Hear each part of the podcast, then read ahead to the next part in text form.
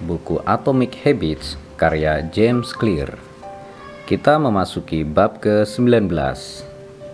Bab 19. Aturan Goldilocks. Bagaimana tetap termotivasi dalam hidup dan pekerjaan. Pada 1955, Disneyland baru dibuka di Anaheim, California. Ketika seorang anak 10 tahun datang dan meminta pekerjaan, Kala itu, Undang-Undang Tenaga Kerja masih longgar dan si anak berusaha mendapatkan pekerjaan sebagai penjual buku panduan seharga setengah dolar per eksemplar. Dalam setahun, ia dipindahkan ke toko sulap Disney, tempat ia belajar trik dari karyawan-karyawan yang lebih tua. Ia bereksperimen dengan lelucon dan memeragakan sulap sederhana di depan penonton. Tak lama kemudian, ia mendapati bahwa yang disukainya bukan pertunjukan sulap, melainkan melawak secara umum. Ia menetapkan cita-cita menjadi pelawak. Ia yang masih berusia belasan tahun mulai tampil di klub-klub kecil di sekitar Los Angeles. Pengunjungnya sedikit dan waktu tampilnya singkat. Ia jarang naik panggung lebih dari lima menit. Kebanyakan pengunjung terlalu sibuk dengan minuman mereka atau mengobrol ketimbang menyimak pertunjukannya. Pada suatu malam, ia tampil dengan aksi stand up di sebuah klub yang tanpa pengunjung. Bukan pekerjaan yang gemerlapan, tapi tak diragukan lagi penampilannya bertambah baik. Aksi-aksi pertamanya hanya satu atau dua menit. Sekitar usia SMA, materi lawakannya berkembang dan ia bisa tampil selama lima menit. Beberapa tahun kemudian, ia mampu tampil 10 menit Ketika berusia 19 tahun, ia tampil seminggu sekali dengan jatah 20 menit sekali tampil. Ia sampai harus membaca tiga puisi selama pertunjukan supaya bisa genap 20 menit. Tapi keterampilannya terus meningkat. Ia menghabiskan 10 tahun lagi untuk bereksperimen, melakukan penyesuaian, dan berlatih. Ia mengambil pekerjaan sebagai penulis naskah televisi dan secara bertahap berhasil tampil sendiri dalam talk show. Pada pertengahan 1970-an, ia berhasil tampil sebagai bintang tamu reguler di The Tonight Show dan Saturday Night Live. Akhirnya, setelah hampir 15 tahun bekerja keras, orang muda ini menjadi terkenal. Ia melewat ia melawat ke 60 kota besar dalam 63 hari, lalu 72 kota besar dalam 80 hari. Selanjutnya, 85 kota besar dalam 90 hari. Ia mendapat 18.695 penonton dalam suatu pertunjukan di Ohio. Sejumlah 45.000 tiket pernah terjual untuk pertunjukan tiga harinya di New York. Ia berhasil meraih puncak dalam genrenya dan menjadi salah seorang pelawak paling sukses di eranya. Ia bernama Steve Martin. Kisah Martin menawarkan perspektif yang memesona tentang apa yang dipilihnya untuk mempertahankan kebiasaan dalam jangka panjang. Komedi bukan untuk orang penakut atau pemalu. Sulit membayangkan situasi yang menghunjam jantung kebanyakan orang ketika tampil sendirian di panggung dan gagal membuat seorang pun tertawa. Namun, Steve Martin berhadapan dengan ketakutan seperti itu setiap minggu selama 18 tahun. Ia berkata, 10 tahun untuk belajar, empat tahun untuk menyempurnakan, dan empat tahun untuk sukses besar. Mengapa sebagian orang seperti Martin bertahan dengan kebiasaan-kebiasaan mereka, entah berlatih melawak atau menggambar kartun atau bermain gitar? Padahal kebanyakan kita sulit untuk tetap termotivasi. Bagaimana kita merancang kebiasaan-kebiasaan yang membuat kita tertarik mendekat, bukan malah menjauh? Ilmuwan mempelajari pertanyaan ini selama bertahun-tahun, Meski masih banyak yang harus dipelajari, satu temuan yang paling konsisten adalah bahwa mempertahankan motivasi dan meraih hasrat memuncak adalah mengerjakan tugas dengan tingkat kesulitan yang masih terkendali. Otak manusia menyukai tantangan, tapi hanya jika berada dalam zona kesulitan yang optimal. Bila senang bermain tenis dan berusaha bermain serius melawan anak berusia 4 tahun, Anda akan segera menjadi bosan.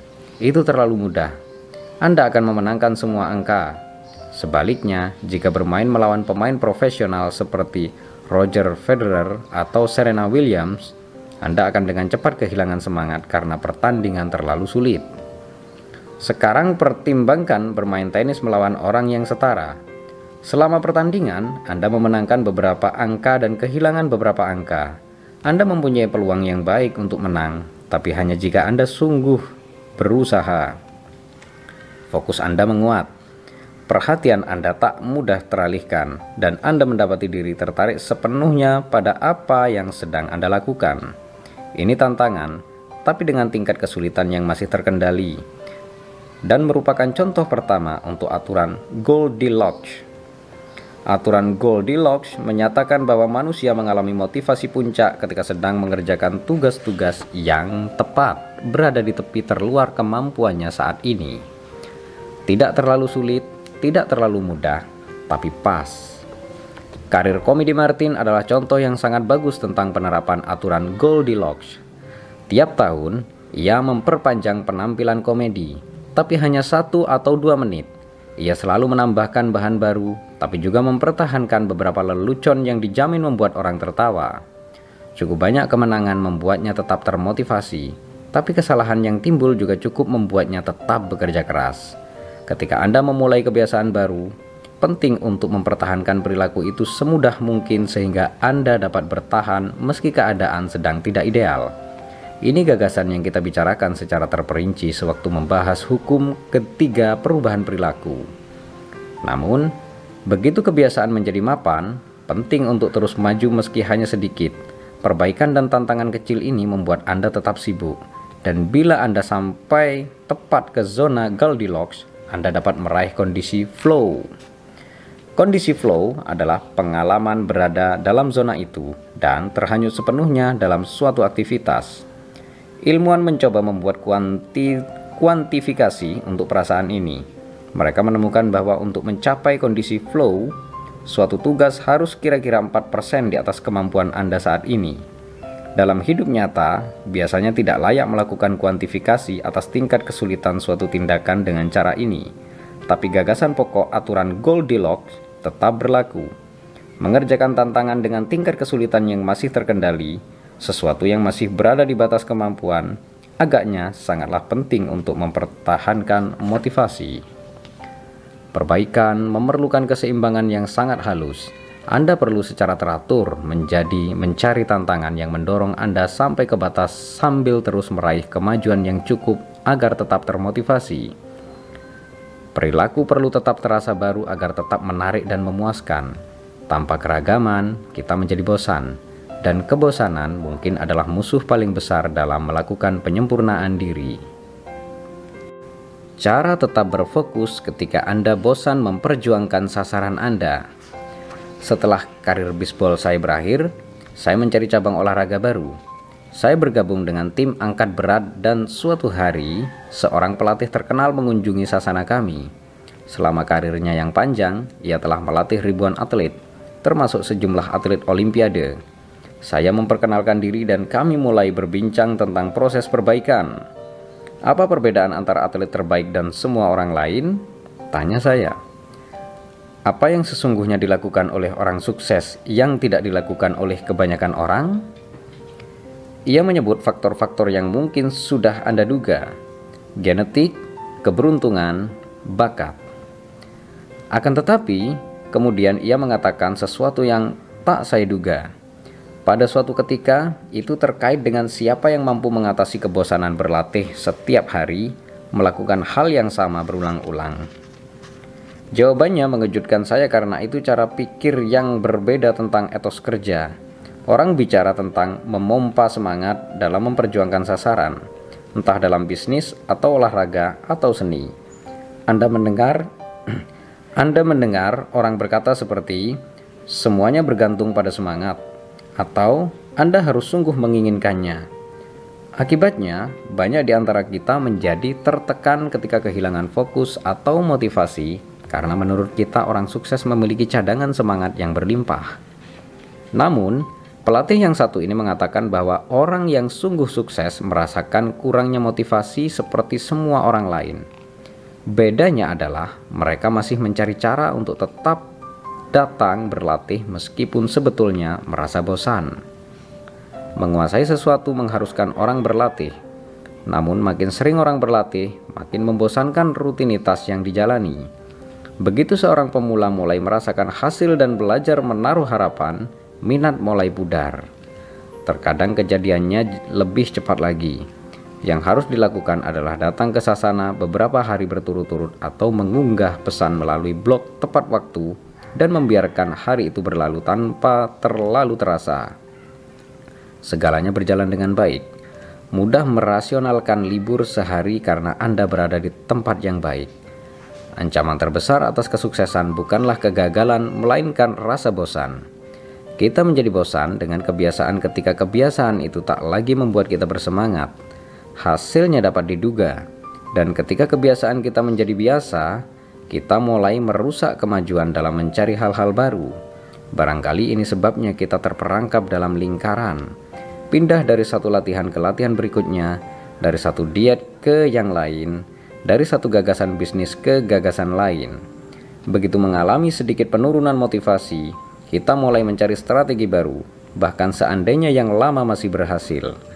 Seperti kata Machiavelli, orang mendambakan hal-hal baru sedemikian sehingga mereka yang sudah berhasil pun menginginkan perubahan sama seperti mereka yang belum berhasil. Barangkali ini sebabnya banyak produk yang paling membentuk kebiasaan adalah produk yang menyediakan bentuk-bentuk baru secara sinambung. Video game menyediakan hal-hal baru secara visual. Pornografi menyediakan hal-hal baru secara seksual. Junk food menyediakan hal-hal baru dalam bidang kuliner. Tiap pengalaman ini menawarkan elemen-elemen kejutan yang berkelanjutan. Dalam psikologi, ini dikenal sebagai ganjaran yang berubah-ubah atau variable reward. Mesin koin atau slot mesin adalah contoh paling umum di dunia nyata. Seorang penjudi sesekali meraih jackpot, tapi tidak dalam interval yang dapat diramalkan. Irama ganjaran berubah-ubah. Sifat berubah-ubah ini dapat menimbulkan lonjakan dopamin, meningkatkan daya ingat, dan mempercepat pembentukan kebiasaan. Ganjaran yang berubah-ubah tidak akan menciptakan gairah. Artinya, anda tidak dapat memberikan kepada seseorang ganjaran yang tidak menarik serta intervalnya pun bervariasi. Namun berharap itu akan mengubah pikirannya. Tapi ganjaran seperti ini adalah cara yang dahsyat untuk menaikkan tingkat gairah yang sudah kita alami karena mengurangi kebosanan. Titik hasrat yang pas terjadi pada irisan 50 per 50 antara sukses dan gagal. Dalam setengah rentang waktu Anda mendapatkan apa yang Anda inginkan dalam setengah rentang waktu, Anda tidak mendapatkan apa yang Anda inginkan. Yang Anda perlukan hanyalah kemenangan yang cukup untuk mengalami kepuasan dan cukup untuk ingin mengalami hasrat tersebut. Ini salah satu manfaat dari mengikuti aturan Goldilocks. Jika Anda sudah tertarik pada suatu kebiasaan, melawan tantangan dengan kesulitan yang masih terkendali adalah cara yang baik untuk membuat sesuatu tetap menarik. Tentu saja, tidak semua kebiasaan memiliki komponen ganjaran yang bervariasi, dan Anda tidak ingin hal itu terjadi. Bila Google hanya kadang-kadang memberikan hasil pencarian yang berguna, saya seketika akan beralih ke pesaingnya. Kalau Uber hanya melayani setengah pemesanan saya, saya ragu apakah saya masih akan menggunakan layanan itu. Dan kalau membersihkan gigi tiap malam namun hanya kadang-kadang merasakan mulut yang bersih, rasanya saya akan meninggalkan kebiasaan itu. Dengan ganjaran yang berubah-ubah atau tidak, tidak ada kebiasaan yang untuk selamanya menarik. Pada suatu ketika, setiap orang menghadapi tantangan yang sama dalam perjalanan penyempurnaan diri. Anda harus bisa menerima bahwa kebosanan akan datang. Kita semua mempunyai sasaran yang ingin kita raih serta cita-cita yang ingin kita penuhi, tapi tak peduli apa yang sedang Anda coba untuk lakukan dengan baik jika Anda berjuang hanya ketika hal itu mudah atau sangat menarik, Anda tidak akan pernah cukup konsisten untuk meraih hasil-hasil yang luar biasa. Saya dapat menjamin bahwa seandainya Anda berusaha memulai suatu kebiasaan dan harus mempertahankannya, akan ada hari-hari ketika Anda merasa ingin berhenti. Ketika memulai suatu bisnis, akan ada hari-hari ketika Anda merasa tidak bersemangat. Ketika Anda sedang di sasana kebugaran, ada latihan-latihan yang ingin Anda lewatkan saja. Ketika tiba waktu untuk menulis, akan ada hari-hari ketika Anda merasa tidak ingin mengetik. Namun, Anda terus melakukannya meskipun sedang kesal. tidak nyaman, atau malas melakukannya. Itulah yang memunculkan perbedaan antara profesional dan amatir. Profesional memilih taat pada jadwal, amatir memilih melewatkan kewajiban. Profesional tahu mana yang penting bagi mereka, lalu melakukan kewajibannya dengan sadar. Amatir mundur dari kewajiban dengan alasan yang lebih mendesak dalam hidup mereka. David Chain, penulis dan instruktur meditasi, mendorong murid-muridnya menghindari menjadi mediator cuaca yang baik. Sama halnya, Anda tidak ingin menjadi atlet, penulis, atau apa pun lainnya yang beraksi hanya ketika situasi sedang ramah. Ketika suatu kebiasaan sungguh penting bagi Anda, Anda harus bersedia mempertahankannya dalam suasana hati apa pun. Profesional bertindak bahkan ketika suasana hati sedang tidak mendukung mereka mungkin tidak menikmatinya, tapi mereka punya cara agar kewajiban tetap dijalankan. Ada banyak situasi yang membuat saya merasa tidak berselera menyelesaikan tugas, tapi saya tidak pernah menyesal karena berlanjut berolahraga. Banyak artikel yang rasanya tidak ingin saya selesaikan, tapi saya tidak pernah menyesal ketika artikel itu terbit sesuai jadwal. Ada banyak kesempatan ketika saya ingin sekali bermalas-malasan, tapi saya tidak pernah menyesal karena memaksakan diri datang atau pergi atau melakukan sesuatu yang penting bagi saya. Satu-satunya cara untuk menjadi hebat adalah terus bersemangat ketika mengerjakan hal yang sama berulang-ulang. Anda harus jatuh cinta pada kebosanan. Ringkasan bab ke-19 Aturan Goldilocks mengatakan bahwa manusia mengalami motivasi puncak ketika mengerjakan tugas yang tepat berada di batas kemampuan mereka saat itu. Ancaman terbesar kesuksesan bukanlah kegagalan, melainkan kebosanan. Ketika kebiasaan menjadi rutin, yang dikerjakan menjadi kurang menarik dan kurang mendatangkan kepuasan. Artinya, kita merasa bosan. Siapa pun dapat bekerja keras ketika merasa termotivasi, Kemampuan untuk terus berusaha meskipun hal itu tidak menggairahkan adalah hal yang menjadikan orang berbeda. Profesional bertahan pada jadwal yang sudah dibuat. Amatir mencari alasan untuk melewatkannya. Terima kasih dan bersambung ke bab 20.